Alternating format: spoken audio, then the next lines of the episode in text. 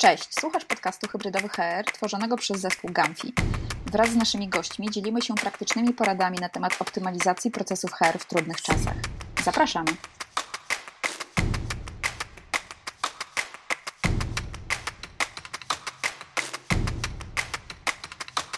Cześć, z tej strony Jacek Krajewski z Gamfi. E, dzisiaj e, gościem kolejnego odcinka podcastu Hybrydowy HR jest Andrzej Zieliński, dyrektor HR w grupie Neuka. Witam cię serdecznie, Andrzeju. No cześć, witam też. Bardzo się cieszę, że przyjąłeś moje e, zaproszenie i być może cię teraz trochę zaskoczę, ale jesteś jedną z tych osób, o której słyszałem już dużo dobrego od wielu, wielu E, lat. Jeszcze e, w czasach, kiedy można powiedzieć trochę uczyłem się rynku branży e, HR jeszcze w początkach Golden Line. Już Twoje nazwisko mi się tutaj pojawiało, ale co jest ciekawe, mieliśmy okazję poznać się w dość, no powiedziałbym, nietypowych okolicznościach jakiś czas temu. Do tego wrócę za e, chwilę, żeby tutaj e, troszeczkę taką e, tajemnicę wśród naszych słuchaczy zasiać. Natomiast jestem ogromnie ciekaw właśnie Twojej e, perspektywy, Twoich doświadczeń w kontekście e, tej tematyki e, zmian w HR-ze. Na początku zawsze pytam moich gości o krótkie przedstawienie się. Taka prośba również do Ciebie. No to najtrudniejsze chyba pytania. Mm, no, staram się przeżyć chyba tak samo jak każdy, walcząc z przeciwnościami losu w, w pandemii. Biznesowo to całkiem fajnie wychodzi, o tym chyba zaraz pogadamy. Natomiast Natomiast no, mam chyba te same problemy co każdy. Jestem, y, utknąłem w domu i oczywiście mam e, fajne możliwości ku temu, bo tak jak patrzę na, na niektórych moich znajomych, gdzie tam dzieci, lekcje zdalne, e, ktoś ma mało miejsca po prostu, no to e, bardzo współczuję. Ja mam pewnie większy, większy komfort. Natomiast oczywiście ta izolacja i deprywacja E, z tego poprzedniego świata, gdzie ja też przywykłem do relacji z ludźmi, no to jest to, to pewnie frustrujące. A, e, a ostatnie miesiące, poza tym, że, że przyniosły bardzo fajne wyniki, e, o czym zaraz powiem, no to były bardzo trudne, bo trochę trzeba było sobie pozadawać na nowo niektóre pytania, pewne rzeczy zredefiniować. Natomiast to, co chyba jest istotne mm, w całym podejściu HR-owym, to jest chyba długa perspektywa która też charakteryzuje w ogóle podejście, nie wiem, właścicieli zarządu, czy, czy patrząc na to, gdzie my widzimy naszą strategię na, na rynku zdrowia w Polsce, ale też trochę powiem o zagranicy, bo ostatni, ostatnie miesiące wykorzystaliśmy mocno na zakupy, które nas e, trochę tam rozszerzyły i te, to portfolio w obszarze badań klinicznych jest teraz dużo większe. No ale to, co chciałem powiedzieć, to jest długa perspektywa, więc w sumie, poza tym, że dla mnie, dla moich ludzi, dla pracowników w kontekście wytężonej pracy i gdzieś tam tego stresu, e, który chyba nie, nie płynął z wnętrza firmy, tylko no wystarczy telewizję włączyć, to, to, to, to przecież wszystko widać i czuć. E, każdy jest chyba trochę jak gąbka i musi się nauczyć bardziej takiej swojej percepcji E, tego wszystkiego, no to wracając do, do klubu mojego przekazu, my żeśmy robili dokładnie to samo, co przez ostatnie lata. I cała agenda HR-owa, ale też cała agenda biznesowa, ona oczywiście była zaburzona tym, co się dzieje na świecie. Część osób e, musiała pracować zdalnie, oczywiście cały łańcuch dostaw w kontekście dostaw do, do aptek, czy, czy tych tematów, które robimy wokół pacjentów. No, to wszystko było w wyjątkowym, wyjątkowych e, okolicznościach. Natomiast tematy były dokładnie takie same. No, zadajmy sobie pytanie, czego chcą nasi klienci, popatrzmy na nasze procesy, spróbujmy coś zmienić, zróbmy to bezpiecznie.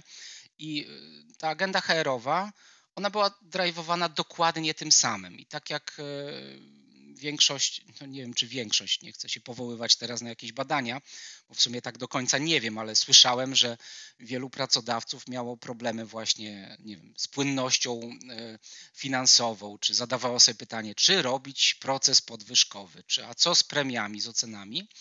E, to ja trochę, i to jest super, bo miałem takie możliwości biznesowe, natomiast ja robiłem dokładnie standardową agendę, e, co jak e, zaraz do tego wrócę, no, było takim chyba kluczowym tematem zauważonym przez ludzi.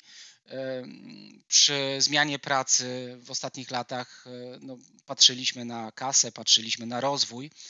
Teraz ta stabilizacja w miejscu pracy to było coś, co chyba w największym stopniu wpłynęło na nie wiem, zaangażowanie ludzi. No a my żeśmy to dawali i to jeszcze w takim wymiarze dodatkowym, nie tylko tej stabilizacji finansowej czy procesowej, ale takiej dodatkowej opieki, o czym znowu za chwilę. No dobra, ale wracając do, e, do mnie, no ja w Neuce pracuję już e, w tym roku, minie, minie 13 lat, jeszcze wtedy w sumie Neuki nie było. E, fajne jest to, że, że chyba co roku ta firma w kontekście biznesowym, podejścia procesowym, też akwizycyjnym się bardzo mocno zmienia, więc ja nie czuję, że pracuję w tej samej firmie.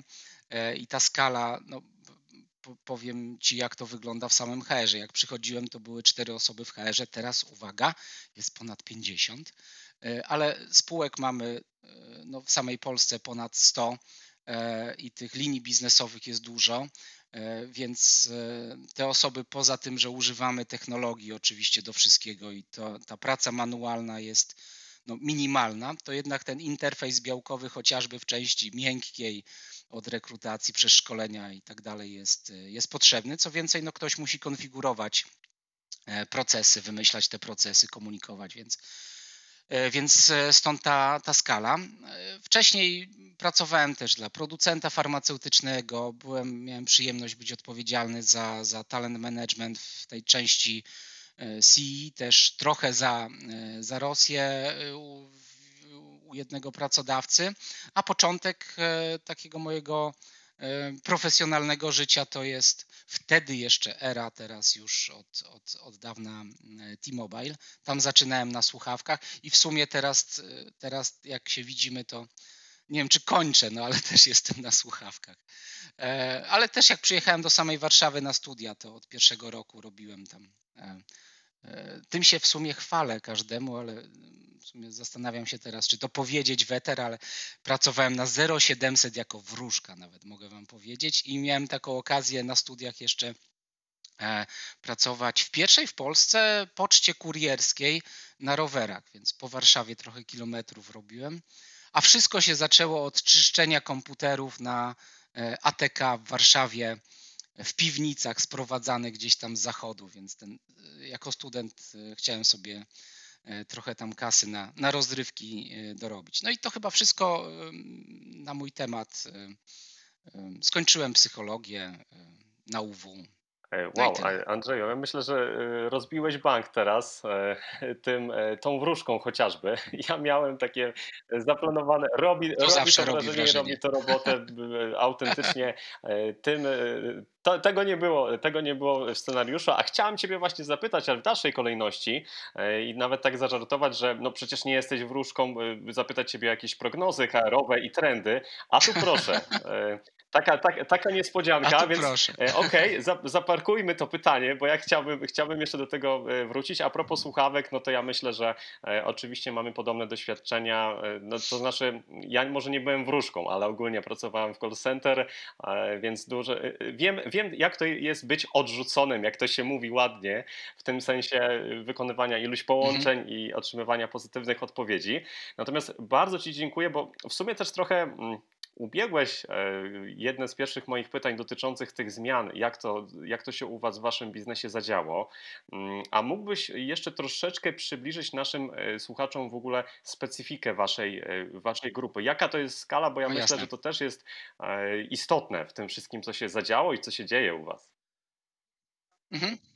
Nie wiem, czy sama skala to jest e, coś najbardziej istotnego, natomiast e, jak już mówimy o skali, no to w kontekście obrotów e, generujemy sprzedaż rocznie blisko 10 miliardów złotych, co tam gdzieś w rankingach chyba w Polsce to jest tam 30 któreś miejsce. E, ta skala jest oczywiście ważna, natomiast ważniejszy jest chyba model biznesowy. Historycznie od 1990 e, roku, bo wtedy powstał Torfarm, to co my robimy, to pracujemy dla aptek. Staramy się pośredniczyć pomiędzy producentami, dostarczać całe portfolio farmaceutyków, no właśnie do aptek. My nie mamy aptek w naszym portfolio, czyli nie, nie jesteśmy detalistą, nie chcemy konkurować z naszymi klientami, natomiast oczywiście pracujemy i z tymi aptekami niezależnymi i z sieciami. No i ten rynek jest bardzo ciekawy i to nie jest już tylko od wielu lat usługa taka logistyczno-transportowa, gdzie właśnie cały łańcuch dostaw to jest w sumie core naszych e, kompetencji.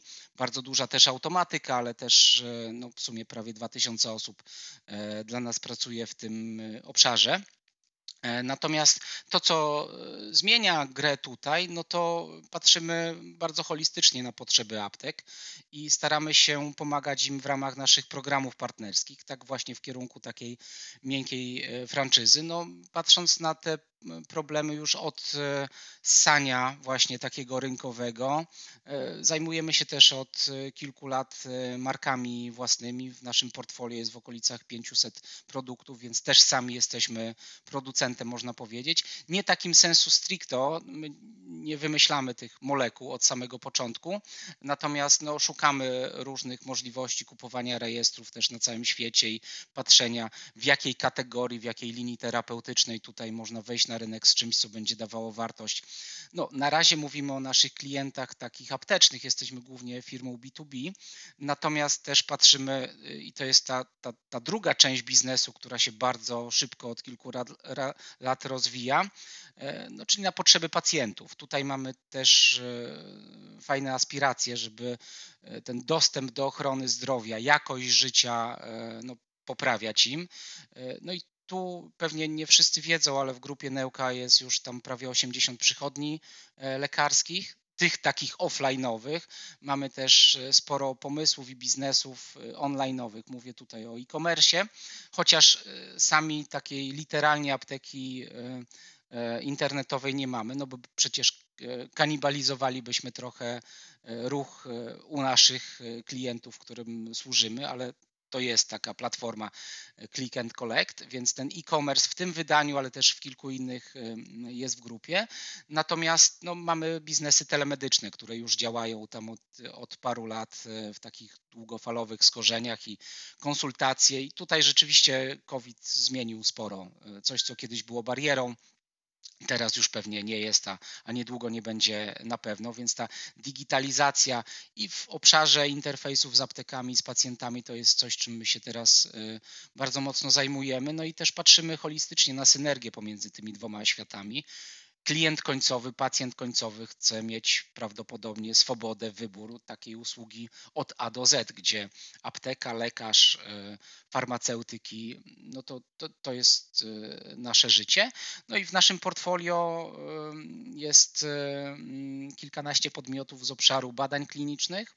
Tutaj zarówno tak zwane CRO, czyli Contract Research Organization, czyli firmy, które koordynują te badania, ale też SMO, Site Management Organizations, firmy, które te badania przeprowadzają. No i w Polsce mamy sieć kilkunastu ośrodków i od e, zeszłego roku e, w kilku krajach e, w Europie.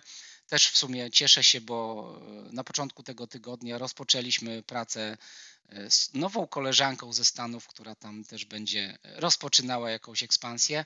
Mamy fajny chyba pomysł tutaj łączący zarówno ośrodki, jak i firmy, które, które koordynują te badania z digitalizacją, tak żeby, no żeby cały proces badań klinicznych, rekrutacja pacjentów do tego była, była szybsza. Na poziomie pracowników, no to w całej grupie pracuje około 6 tysięcy e, osób.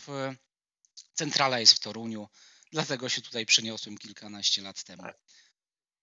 Tak. No i to, okay, to tyle. Dzięki. Bardzo, bardzo mi się podoba to, że e, mówisz e, e, tak dużo o biznesie, to znaczy jest to złożony, zróżnicowany, zróżnicowany biznes, nie da się ukryć, bo ja też staram się, mówię, no, czytać, śledzić wasze profile w mediach społecznościowych, czasem co ty opublikujesz też na, na, na LinkedInie i bo wiesz, te, do, czego, do czego zmierzam? Zmierzam do tego, że mm, mówi się też, jak rozmawiam z różnymi pracodawcami, że mm, pandemia y, zmieniła relację pomiędzy HR a biznesem. Ja pomijam fakt, że uważam, że ten podział jest trochę sztuczny, ale w dalszym ciągu czasami w niektórych kręgach obowiązuje.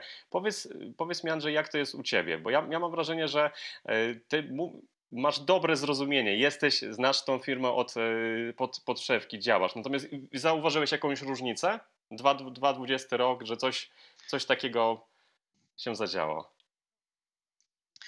No, rozmawialiśmy już o tym mhm. na początku. Nie, nie zauważyłem i ja nie wiem, gdzie jest ta mhm. linia demarkacyjna. Czy coś HR, coś biznes. No, HR jest po to, żeby biznes działał e, i tej linii demarkacyjnej tutaj nie ma i myślę, że to, to, nie jest jakiś taki truizm, że im lepiej będziemy rozumieć ten biznes, tym lepszy będzie e, HR. E, wydaje mi się, że nie ma opcji na oddzielenie tego wszystkiego. Oczywiście jest jakaś no, procesy z cyklu życia pracownika od tam rekrutacji czy wzbudzenia zainteresowania na rynku do odejścia, no to to w pewnym sensie jest jakieś pudełko. Natomiast e, to pudełko działa wtedy, kiedy biznes czuje, że robi te rzeczy właśnie z procesów z cyklu życia pracownika w taki sposób, które mu pomagają. A w Neuce jest to o tyle ciekawe i skomplikowane, że jednego podejścia nie ma. Że nie wiem, w obszarze łańcucha dostaw, tam gdzie mamy magazyny, te same procesy działają trochę inaczej, bo jest inna logika tego, tego biznesu. Inni ludzie też pracują. Kompletnie inaczej jest w przychodniach medycznych, czy nie wiem, w marketingu, czy w IT. E, natomiast ta platforma, no właśnie, jakaś platforma informatyczna, jakaś platforma procesowa, role, po co jest menadżer, po co jest HR, no to to jest mniej więcej stałe. I e, ja starałem się od, od początku, kiedy tutaj jestem, no, robić w sumie dwie rzeczy łącznie. Po pierwsze, wrzucać kawałki tych puzli, które według mnie brakowały mm, w Neuce, wcześniej jeszcze w Torfarmie i przyzwyczajać do tego ludzi, ale też im pokazywać, że my nie musimy szukać jakichś szczególnych rzeczy, które, nie wiem, zawalczą o serca pracowników. E, według mnie pandemia nie zmieniła tutaj nic. E, to samo jest istotne no nie można być świnią, e, trzeba być fair. E, I to nie jest kwestia tego, czy HR będzie lepszy czy gorszy, tylko tym podstawowym interfejsem zawsze jest menadżer. No i oczywiście menadżer musi coś mieć w głowie, musi mieć jakieś narzędzia, musi mieć space do tego wszystkiego. E, no i cała historia HR-owa polega na tym, żeby być odpowiedzialnym za ten cały układ, który jest ruchomy jesteśmy tylko ludźmi. Ludzie przychodzą, odchodzą. W Neuce też jest sporo akwizycji. To jest ciekawe, bo tym układem połączonym trzeba jakoś tam mhm. zarządzać. E, powiedziałaś o e, menedżerach. To jest y, temat rzeka i ja wiem, że dzisiaj oczywiście tego tematu nie, nie wyczerpiemy, możemy go y, ledwie tam delikatnie dotknąć, ale powiedz mi proszę, ciekawi mnie to bardzo. E, też są różne podejścia, różne szkoły. W jaki sposób, skoro menedżer, no na koniec dnia nie można też HR-u rozliczać ze wszystkiego, no jednak ten menedżer pracuje z tymi ludźmi, no i szczególnie mhm. jeżeli mówimy o e, teraz takim zespole rozproszonym, zdalnym. Zmiana paradygmatu troszeczkę zarządzania zespołem. Nie widzimy tych ludzi. Y, kwestia oczywiście y, zaufania, jakiegoś delegowania zadań, innego podejścia do tematu. W jaki sposób y, wy, Andrzej, budujecie też te kompetencje u waszych menedżerów? Jasne. No, ja się cieszę, bo mogę mówić nie tylko o założeniach, ale mogę mówić też o efektach. A jak mówię o efektach, to od, od ładnych paru lat. Wydaje mi się, że e, tak trochę też się śmieję, że w Neuce w sumie nie mówię tylko o HR-ze, tylko chyba reakcji skórno-galwanicznej nie mierzymy. Całą resztę mierzymy i to jest może e, nie takie natywne dla HR-owców i HR-owcy się generalnie tego boją. Natomiast jeżeli widzisz sprzężenie pomiędzy tym, co mierzysz, a jakimiś tam efektami, w sumie teraz się zastanawiam, jak można inaczej, no to to jest bardzo fajna broń. Broń mówię w takim sensie pozytywnym, bo nie trzeba nikogo do niczego przekonywać, tylko pokazywać związki przyczynowo-skutkowe. No i y, jak, jak już mówię o tych efektach, to poza tym, że prowadzimy cykliczne badania różnego rodzaju, od takich wewnętrznych do, e, do zewnętrznych, no to ja też od wielu lat obserwuję różnego rodzaju zjawiska. Od pozyskania, mówię tutaj, nie wiem, o naszej atrakcyjności, o świadomości marki w różnych target grupach, o NPS-ie pracodawcy oczywiście też. E, też y, od dwóch lat chyba mierzymy NPS kandydatów po, każdym, po każdej rekrutacji. Oczywiście nie tylko tych, których przyjmujemy, ale wszystkich, którzy mieli jakiś tam interfejs z nami, a tych rekrutacji jest, czy zatrudnień jest kilkaset mniej więcej średnio rocznie w Neuce. No a później oczywiście cały temat dotyczący za, zaangażowania, czyli opinii pracowników, NPS-u naszego e, pracodawcy. W tym roku poza takim cyklicznym badaniem, które robimy e, z Kincentrikiem, e, no i tam chodzi nie tylko oczywiście o samą satysfakcję, ale o indeks zaangażowania. O tym, jak będziesz chciał, to tam dwa słowa powiem więcej. To w tym roku też zrobiliśmy w samej pandemii takie badanie pulszczekowe, właśnie pokrywające te tematy, a jak menadżer, a jak praca zdalna, jak inne tematy. Tutaj gwiazdeczka mała, Oczywiście duża część pracowników Neuki e, no, musiała przejść do biur, e, z biur do, do domów, jasne, natomiast duża część w tym rygorze sanitarnym i bezpieczeństwie cały czas przez pandemię pracowała. No, ktoś musiał te leki przyjmować na magazyny, ktoś musiał je dowozić, ktoś w przychodniach medycznych musiał ludzi leczyć. W badaniach klinicznych różnie, bo początek pandemii to rzeczywiście był stop na, na chwilę badań. No i a później na sam koniec no patrzę już nie tylko czy to się ludziom podoba czy nie, tylko jaki jest poziom niechcianej fluktuacji, gdzie on jest, gdzie nie, czym jest drajwowany, jakimi e, wskaźnikami. No i ten rok poza tym, że biznesowo nam się zakończył e, naprawdę rewelacyjnie. I to też nie z tego powodu, że sama pandemia wygenerowała jakiś ponadstandardowy e, popyt. Natomiast no, wiemy, czym w strategii naszej e, mamy się zajmować. Mamy się zajmować aptekami, mamy się zajmować e, pacjentami. E, no i wydaje się, że mając takie możliwości, całkiem fajnie, żeśmy sobie z tym poradzili. No mieliśmy trochę pewnie więcej w stosunku do naszej mniejszej konkurencji opcji. Na przykład na początku pandemii, nie wiem czy, czy pamiętasz, był problem, nie wiem, ze ściągnięciem maseczek, płynów do dezynfekcji i tak dalej. No tutaj trochę stawaliśmy na rzęsach, żeby to zrobić e, szybciej, lepiej i też przy e, dobrych cenach. To wszystko, to wszystko, bo tych akcji było bardzo dużo, klienci chyba docenili, no ale jak, a, a jak klienci doceniają i tym się zajmujesz, no to wiadomo, że później przekłada się to na jakieś korzyści biznesowe. No taka jest e, logika działania. A w kontekście środowiska pracy, to, to jest chyba pierwszy rok, gdzie no wiesz, pracownicy standardowo, niektórzy są bardziej zadowoleni, niektórzy mniej zadowoleni. Chodzi o menadżerów, ale też chodzi o to, jak zarabiasz i milion innych tematów. E, ja sobie nie zdawałem do tej pory sprawy, jak my jako pracodawca e, w istotny sposób możemy wpłynąć właśnie na takie poczucie bezpieczeństwa. Nie, dawałem, nie zdawałem sobie sprawy, no bo wcześniej tego typu sytuacji nie było. Oczywiście, my żeśmy sami o tym mówili, o rozwoju, o poczuciu stabilizacji też. Takim nie, że będę tu pracował do emerytury, ale możesz się rozwijać robiąc różne rzeczy w tych liniach biznesowych. I część osób e, to doceniała i tam te parametry, o których mówiłem, też były spoko. Natomiast w tym roku wydaje mi się, że nie trzeba było o tym mówić. Trzeba było po prostu zobaczyć, co się dzieje dookoła, i okazało się, że Neuka zupełnie przypadkiem ma dla pracowników taką dodatkową wartość, tak po prostu. No i my do tej dodatkowej wartości dołożyliśmy no, trochę innej troski, takiej wyjątkowej oczywiście, e, robiąc te wszystkie procesy, o których powiedziałem, na platformach wirtualnych głównie i to też jest fajna sprawa, bo trochę żeśmy się wcześniej do tego przygotowali. Ja nie musiałem na gwałt szukać jakichś nowych narzędzi, czy do pracy zdalnej, czy, czy właśnie, nie wiem, do ocen, do, do rekrutacji, do innych rzeczy. Zrobiliśmy to no, tak po prostu naturalnie. Natomiast, e, sorry, bo jestem chyba gadułą, zboczyłem trochę z tematu. Pytałeś o menadżerów.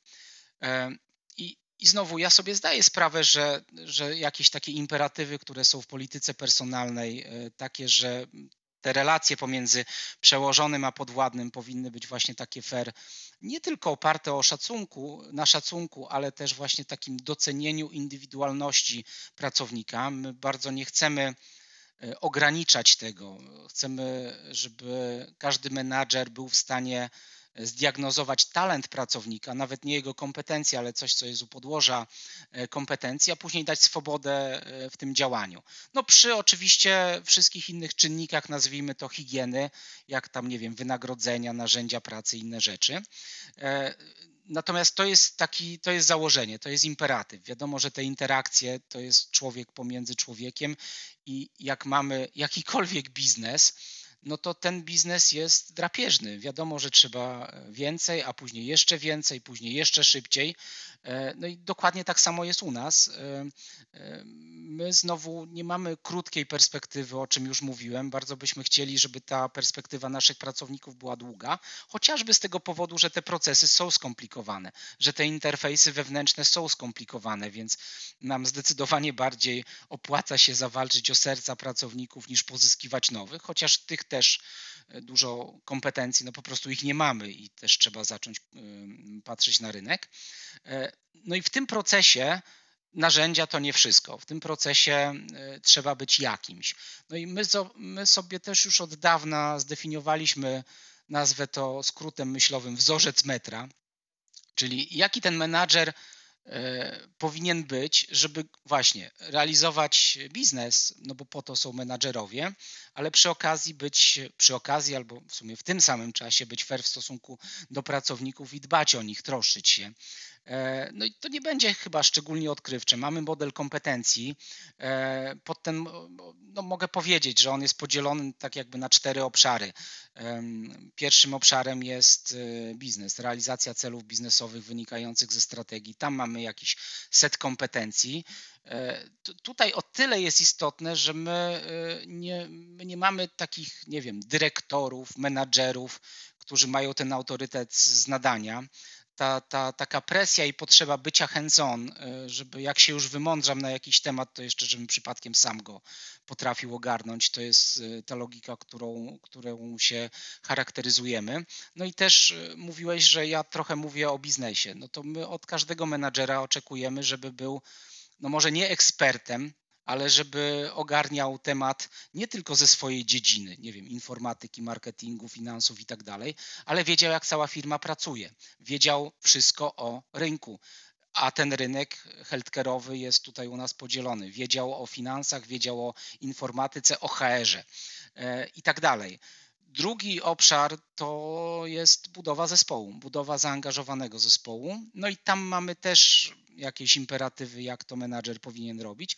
Trzecia rzecz, myślę, że dla nas no, bardzo istotna, to jest współpraca i takie accountability, żeby niekoniecznie muszę być szefem obszaru biznesowego, żeby być odpowiedzialnym za proces end-to-end, -end, który się czasami kończy albo często się kończy absolutnie nie w moim obszarze wpływu.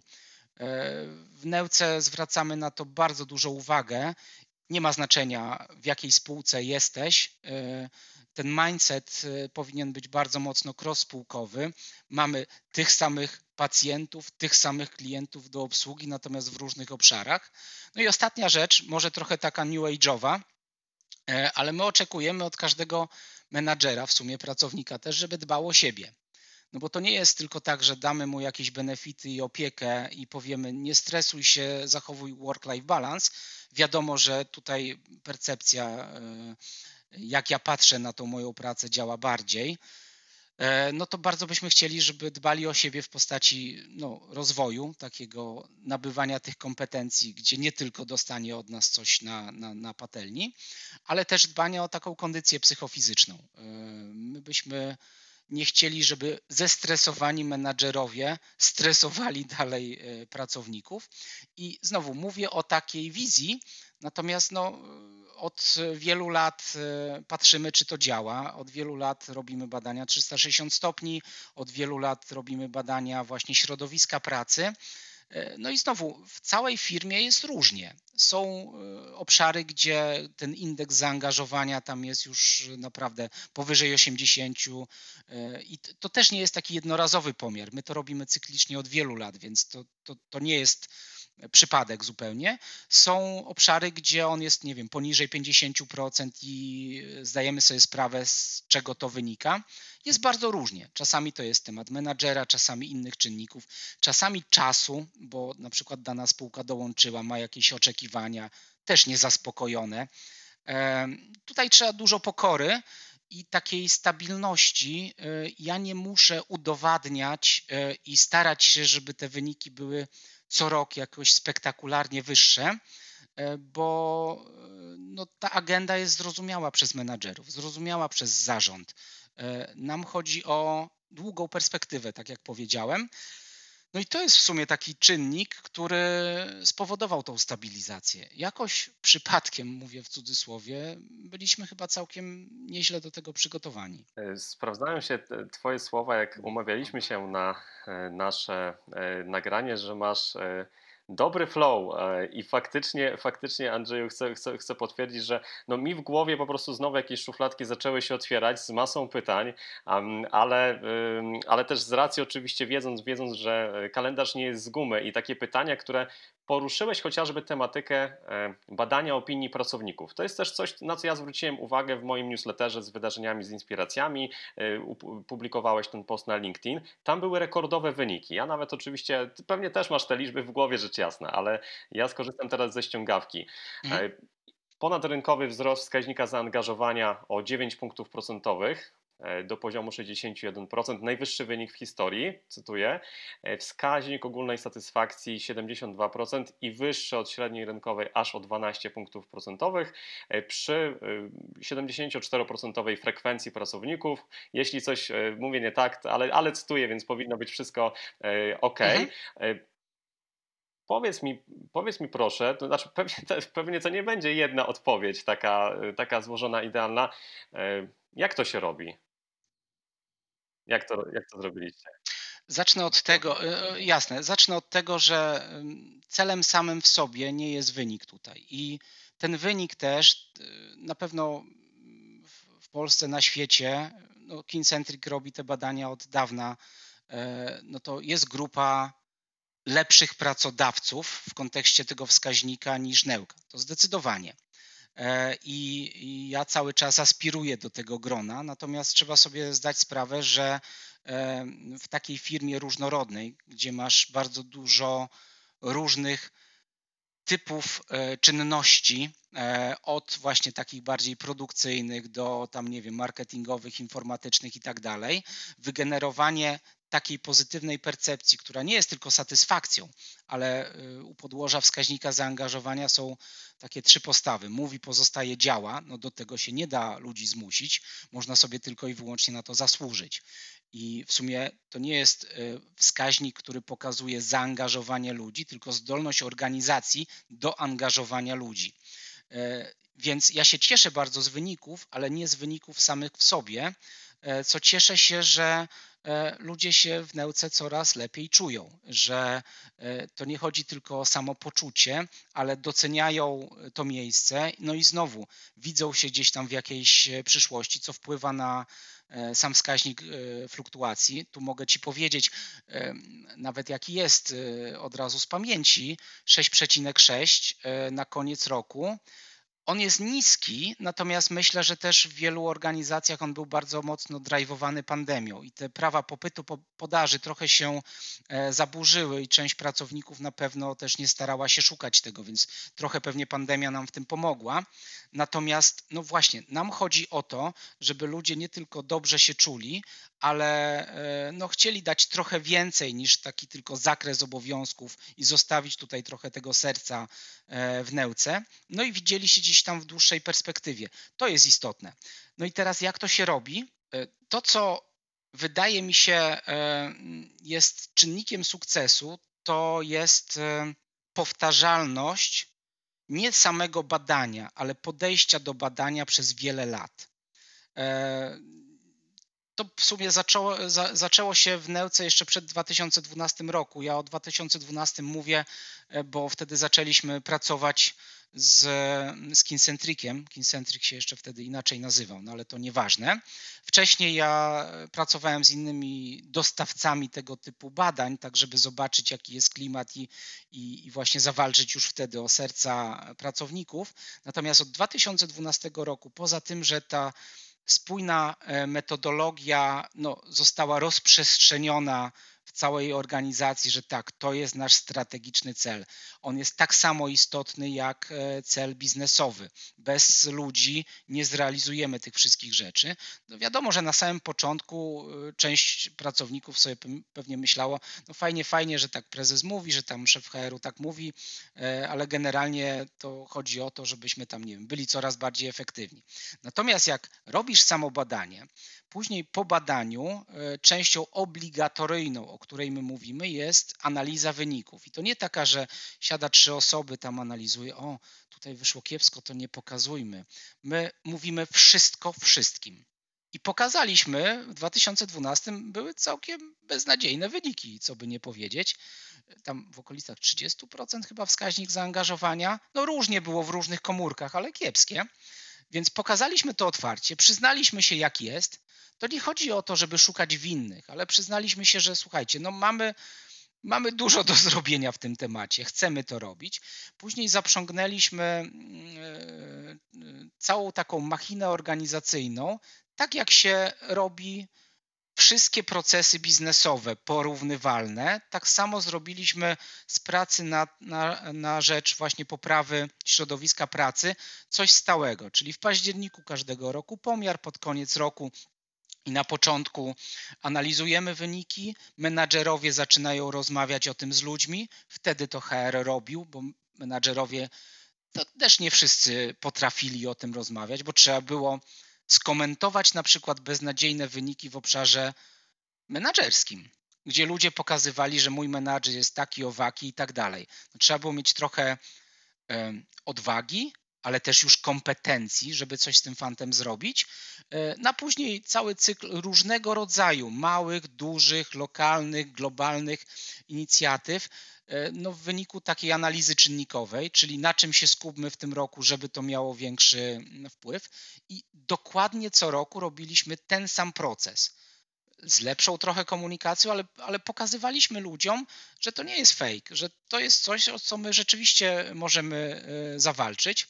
Z tym były związane programy rozwoju menadżerów właśnie w tych obszarach, 360 z feedbackiem i z pracą nad menadżerami właśnie w tych obszarach. E, wszystkie procesy dotyczące, nie wiem, wyznaczania celów i tak dalej, e, też no, był temat, dopóki nie wrzucisz się, nie wrzucisz jakiegoś celu w MBO komukolwiek, to przecież nikt nie kiwnie, więc był oczywiście też lekka presja z naszej strony, żeby e, tak jak jesteś odpowiedzialny, nie wiem, za obrót, marżę czy cokolwiek innego, no to bądź odpowiedzialny również za ludzi, więc ale to nie było obligo. Natomiast w niektórych obszarach, tam gdzie było to większe wyzwanie, też żeśmy zaczynali od tego, ale to raczej był walec nie taki, który kogoś przymuszał do tego, bo jak nie to coś, tylko taki, który pokazywał, że jak to zrobisz, to będziesz miał więcej korzyści. No i to już jest za długo lat, żeby ktoś w to wątpił. Ja też pokazywałem, i to nie tylko od Kincentrika, ale nie wiem, na całym świecie jest bardzo dużo badań, chociażby, nie wiem, Instytut Galupa pokazuje jakieś współistnienie, korelacje pomiędzy wskaźnikami biznesowymi, nawet tymi takimi zwrot z inwestycji dla akcjonariuszy, czy wartość organizacji. My jesteśmy spółką giełdową, więc też dużą uwagę przykładamy do tego nie tylko, co tam na koniec roku zostaje, jaki jest zysk netto, ale jak to się przekłada na, na wycenę e, firmy i wartość, no to, e, to, to te obszary są coraz istotniejsze. Nie chcę tu skręcać w jakieś filozoficzne dyskusje, ludzie, roboty i tak dalej. No, tu się chyba nic nie zmieniło. Człowiekowi się musi chcieć nie tylko efektywnie pracować, ale no, my nie konkurujemy na rynku e, w tym, co robimy, e, paradoksalnie niczym szczególnym. Po technologię chodzimy do tych samych kolejek, po kasę chodzimy do tych samych banków. To, czym my konkurujemy, to jest pomysł, a pomysł się rodzi w głowach ludzi. I to nie jest pomysł w głowie prezesa trzech osób, siedmiu dyrektorów, no to by było zbyt w sumie ryzykowne. Oczywiście jakaś wizja, e, co my chcemy robić i tak dalej, to jest domena gdzieś tam top managementu. Natomiast te pomysły, taki continuous improvement, no to, to są głowy ludzi. No im się musi chcieć. E, do tego nie można zmusić ludzi. A z drugiej strony samo wdrożenie, tam gdzie trzeba to dostarczyć, no to też są ludzie. E, no i rzeczywiście różnica kiedyś do dzisiaj jest taka, że to jest coraz bardziej skomplikowane wszystko, coraz ciężej nad tym nadążyć. Mówię w wymiarze technologii trochę, ale mówię też w wymiarze właśnie takich wzajemnych powiązań, no zwłaszcza w tej naszej takiej multispółkowości i tym modelu biznesowym, który jest taki e, niespójny w tym sensie, że nie jest tylko z jednego obszaru. On jest taki multidyscyplinarny. E, z drugiej strony dla ludzi, e, dla niektórych ludzi, takich chyba staramy się przyciągać do firmy, no to jest bardzo atrakcyjne. Taki rok u nas no może być kilka lat gdzieś u pracodawcy, absolutnie nie deprecjonuje, bo to zależy co kto lubi, ale takiego, który ma stabilny model biznesowy. U nas ta niestabilność modelu biznesowego jest oczywiście, no rozumiem to tak pozytywnie, bo to jest stabilne, tylko że staramy się inwestować w wiele rzeczy naraz.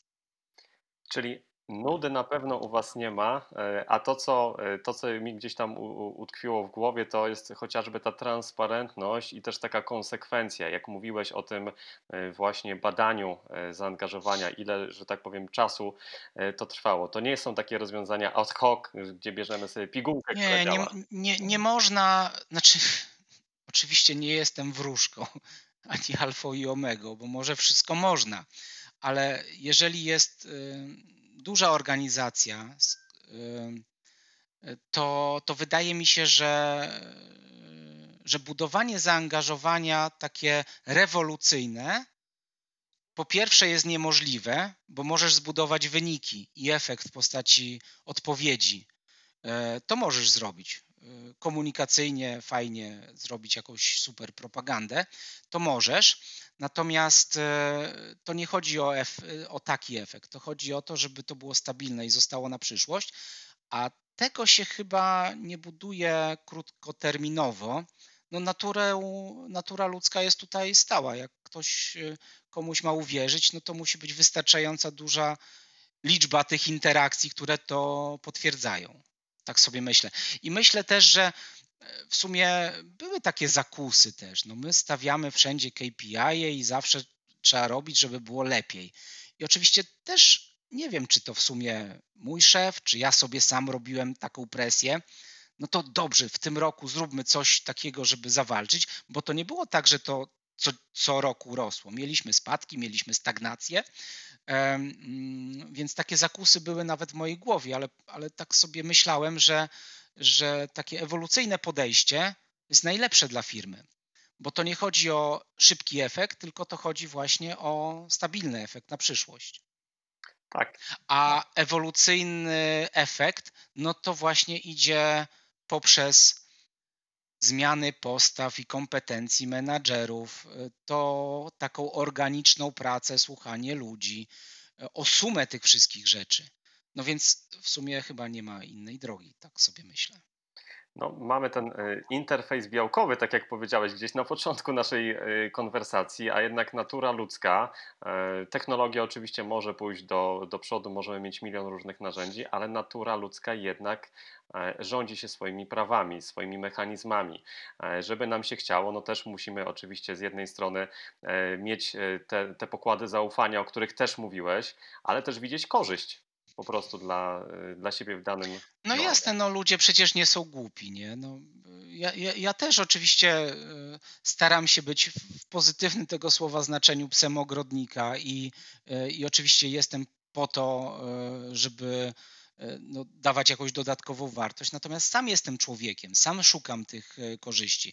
I oczywiście, że ja wierzę, że to ja jestem za to odpowiedzialny. Natomiast pracodawca może mi w tym pomóc, może mi bardzo mocno napsuć krwi. No i teraz chodzi o to, żeby tę część e, odpowiedzialności pracodawcy dobrze zagospodarować. Chociaż tutaj mała dygresja.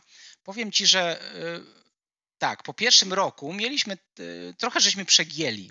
przegięliśmy z tą odpowiedzialnością pracodawcy. Nawet może za bardzo posypanie głowy popiołem, że to teraz już to ten menadżer wszystko ogarnie i tak dalej. No i w kolejnym roku mieliśmy trochę takich postaw, że pracownicy siadali i no dobra, to weźmie zmotywuj. E, mm, to też nie jest fajne, bo taka odpowiedzialność za środowiska pracy to nie jest tylko temat transakcji jednowymiarowej. E, no, od, od dawna się mówi, czy kasa tam to generuje i tak dalej. Kasa oczywiście musi się zgadzać e, w portfelu, natomiast ona jeżeli, jest, jeżeli się zgadza, a dalej jest temat kasy, to bardzo często jest tematem zastępczym. No to jest trochę tak, no, skończyłem e, psychologię, więc wiem, co to znaczy redukcja dysonansu poznawczego. No, muszę sobie gdzieś usunąć e, to takie poczucie, że coś się nie zgadza. I jeżeli, e, jeżeli mi się nie zgadza temat dotyczący, nie wiem, relacji z pracownikami i tak dalej, a nie zmienię pracy z różnych powodów, no to szukam innych rzeczy. A, to chodzi o kasę, nie? to też niestety działa w taką stronę. W kolejnych latach e, dużo żeśmy pracowali nad tym, żeby wciągać ludzi w to wszystko. No to dobra, to też jest Twoje miejsce życia, no to pomóż temu menadżerowi. Jeżeli on jest taki cienki, jak mówisz, co nie zawsze jest e, obiektywnie prawdą, jak wiadomo, bo to znowu jest e, percepcja człowieka, no to pomóż mu, bo to wspólnie się dogadajcie jakoś. I myślę, że teraz jest dużo miejsc, gdzie e, pracownicy widzą e, współudział w tym, e, w tym temacie. Ostatnie takie pytanie, które każdemu z naszych gości zadajemy. Twoim zdaniem jedna taka maksymalnie użyteczna praktyka na skuteczny HR w obecnych czasach, w tych czasach zmiany, bo tutaj chyba już nikt nie ma wątpliwości, że e, coś, co było zastane raz, to już, że tak powiem, będzie, będzie z nami dalej. E, co byś wskazał? Myślę, że tematem numer jeden e, jest jakoś tam radzenie sobie z tą niejednoznacznością. Ja nie skręcam jakieś tam nowe trendy HR-owe, że to teraz jest clue.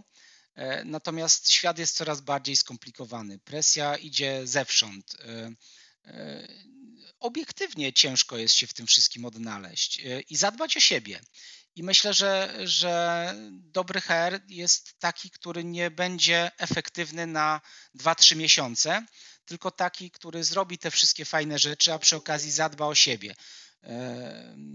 To ja przynajmniej mam taką zasadę, tym się martwię, stresuję, nie zawsze mi wychodzi i rzeczywiście temat e, e, nie zawsze to ode mnie zależy. I temat chyba właśnie w takim krótkim e, okresie jest taki, jak w tym świecie wirtualnym odzwierciedlić te rzeczy, które były takimi właśnie konektorami tego dbania o siebie, jakiejś tam atencji. No ciężko jest to zrobić na wideokonferencji. No i trzymam kciuki, żebyśmy szybko wrócili do możliwości spotykania się, bo poza tym, że na pewno duża część z nas będzie pracowała częściowo zdalnie i to też jest w sumie, w sumie fajne, e, no to znowu ludzie są ludźmi, mają taką naturę, że, że chyba potrzebują tych relacji, e, tego kontaktu, a tego przez wideo się chyba nie da tak dobrze zrobić jak, e, jak w offline sam sobie teraz e, zadaję pytanie, czy odpowiedziałem na Twoje pytanie, i odpowiedź jest negatywna, że chyba nie odpowiedziałem, ale w sumie nie wiem. Naprawdę nie wiem. E, wiem, że nic nie wiem, a ja, ja mam takie po prostu wrażenie, nie ja wiem. mam takie wrażenie, Andrzej, że takie jed, jed, jedno słowo może zrobić różnicę i wiesz, co sobie zakodowałem? Zakodowałem sobie ta dbałość o siebie, bo myślę, że e, w tym wszystkim ten, e, ten czas, cały czas nas, nas kłania, mnie również osobiście, do tego znalezienia troszeczkę takiego swojego ja. To znaczy, jeżeli chcemy być wiarygodni dla innych osób, no to no też y, musimy naprawdę w cudzysłowie się ogarnąć pod każdym względem, e, żeby być partnerem do tej rozmowy, żeby być skoncentrowanym, pełnym, pełnym energii, bo mm, albo tym będziemy zarażali, albo właśnie jakimś takim defetyzmem, zmęczeniem, e, tego typu rzeczami. No, to, to jest chyba fajna, fajna idea. E, ja, ona nie jest do końca w sumie moja. Ja ją trochę gdzieś tam zinternalizowałem na przestrzeni ostatnich lat. Natomiast no, fajnie jest się czuć odpowiedzialnym za taki twój e, ślad, który zostawiasz e, w życiu innych. No i teraz e, e, ja tu popełniłem wszelkie możliwe błędy takie, no wydaje mi się, że jestem tam fair i ogólnie jestem spoko, taka jest moja samoocena. Natomiast mówiąc o pandemii e, samej, jak sam nie wiedziałem co robić, byłem zestresowany, no to przecież wiadomo, że kapało ze mnie to wszystko. I nawet jak nie robiłem z siebie, nie wiem, furiata i taką osobą chyba nie jestem, no to ten stres wszyscy, nie wiem, moi podwładni czy współpracownicy łykali przecież. No i, i to nie jest fajne. No bo przecież każdy część sobie zostawił, przekazał to później, nie wiem, żonie, dzieciom albo podwładnym jego. A, a to jest percepcja bo obiektywnie nic się generalnie zwykle nie dzieje. Można sobie ze wszystkim poradzić. E, I to jest chyba. Ja, ja wszedłem w nowy rok właśnie trochę z takim e, przyrzeczeniem noworocznym, że będę na to mega zwracał uwagę, żeby samemu się e, nie nakręcać negatywnie, tylko dawać jakiś taki pozytywny power. Ja wiem, że w tym wszystkim jest trochę takiej czasami afirmacji, korpo, i to akurat jest dla mnie tam może trochę niesmaczne, jak jest sztuczne. Natomiast jak to jest prawdziwe, no to to działa, przynajmniej dla mnie. Ja myślę, że trzeba czasem głośno pewne rzeczy powiedzieć i y, ja, ja szanuję, ja wiem, że ty jesteś jeszcze odnosząc się do tego początku, wiem, że ty jesteś ultra skromnym człowiekiem, ale ja, ja szanuję też takie, y, takie historie, w których mówisz na przykład e, właśnie o swoich osobistych odczuciach, albo że na przykład coś się nie udało, bo znowu, wiesz, na rynku, na rynku mamy, Andrzej, też chociażby LinkedIn jest takim miejscem, gdzie tylko, prawda, mhm. spijamy śmietankę, zdobywamy nagrodę i żyjemy w takim alternatywnym świecie. Warto jednak e, podejść mhm. do tego w taki inny, zdrowy sposób. Moim postanowieniem też jest faktycznie pokazywanie innym osobom, moim najbliższym też zawodowo, właśnie takiej energii, e, takiej, takiej pasji, która zaraża, tak jak ten, żeby tym zarażać, a nie COVID-em. Ja już tak, jeśli mogę takiego porównania e, użyć. No I Podsumowując, e, Andrzeju, ja trzymam kciuki w ogóle za te wszystkie Twoje postanowienia i za plany. Intensywnie będę oczywiście obserwował i Was, drodzy słuchacze, zachęcam do e, śledzenia aktywności e, grupy Neuka na chociażby w mediach, w mediach społecznościowych. Chciałem jeszcze nawiązać krótko do naszego spotkania, bo w sumie obiecałem, gdzie, e, że mhm. powiemy, jak się spotkaliśmy. No słuchajcie, żeby, żeby poznać Andrzeja, e, musiałem wybrać się do Amsterdamu na Unleash, na największą konferencję poświęconą technologiom w świecie HR. To było 2018 rok, bo pamiętam, mam nawet koszulkę od jednego z dostawców. No i pamiętam Ciebie, Andrzeju, właśnie z całą ekipą, e, więc tutaj, tutaj faktycznie z tymi technologia technologiami, z tym cyfrowym światem, myślę, że jesteście za, e, za Pan Brat. Może kolejny właśnie jakiś odcinek o tym nagramy. E, także bardzo, bardzo Ci e, dziękuję. Myślę, że wiele wątków jeszcze mogliśmy poruszyć, ale patrzę na zegar. Życzę wszystkiego dobrego i mam nadzieję, Andrzeju, że znowu do zobaczenia niebawem, może w Toruniu, też u Ciebie. Zapraszam. Jak będziemy już mogli wrócić do biur, to e, też tak w sumie w ramach ciekawostki Wam powiem, że wybudowaliśmy fajną siedzibę i to też tak właśnie od, od from scratch bym powiedział. E, fajny temat do angażowania nie mnie, siebie, pracowników. E, trwało to trochę. Mieliśmy się przeprowadzać właśnie luty, kwiecień w zeszłym roku. Już żeśmy zaczęli i musieliśmy wszystko zastopować oczywiście, więc trochę świeci pustkami. A to trzymamy kciuki, żeby się zapełniło jak najszybciej. No, te tak nowe modele zmienne pracy i tak nam pewnie pozostaną, bo to jest taka prawda, że część ludzi i tak będzie pracowało trochę e, z domu, ci, którzy mogą, e, ale trzymajmy się tego, żebyśmy mogli się właśnie jak najszybciej spotkać. Także raz jeszcze, Andrzeju, bardzo dziękuję. Zapraszam na kawę. Dzięki e, za to na inspiracji. Moim i waszym gościem raz jeszcze był Andrzej Zieliński, dyrektor HR w grupie Neuka. Dziękujemy, do, trzymajcie się ciepło i do usłyszenia. Cześć.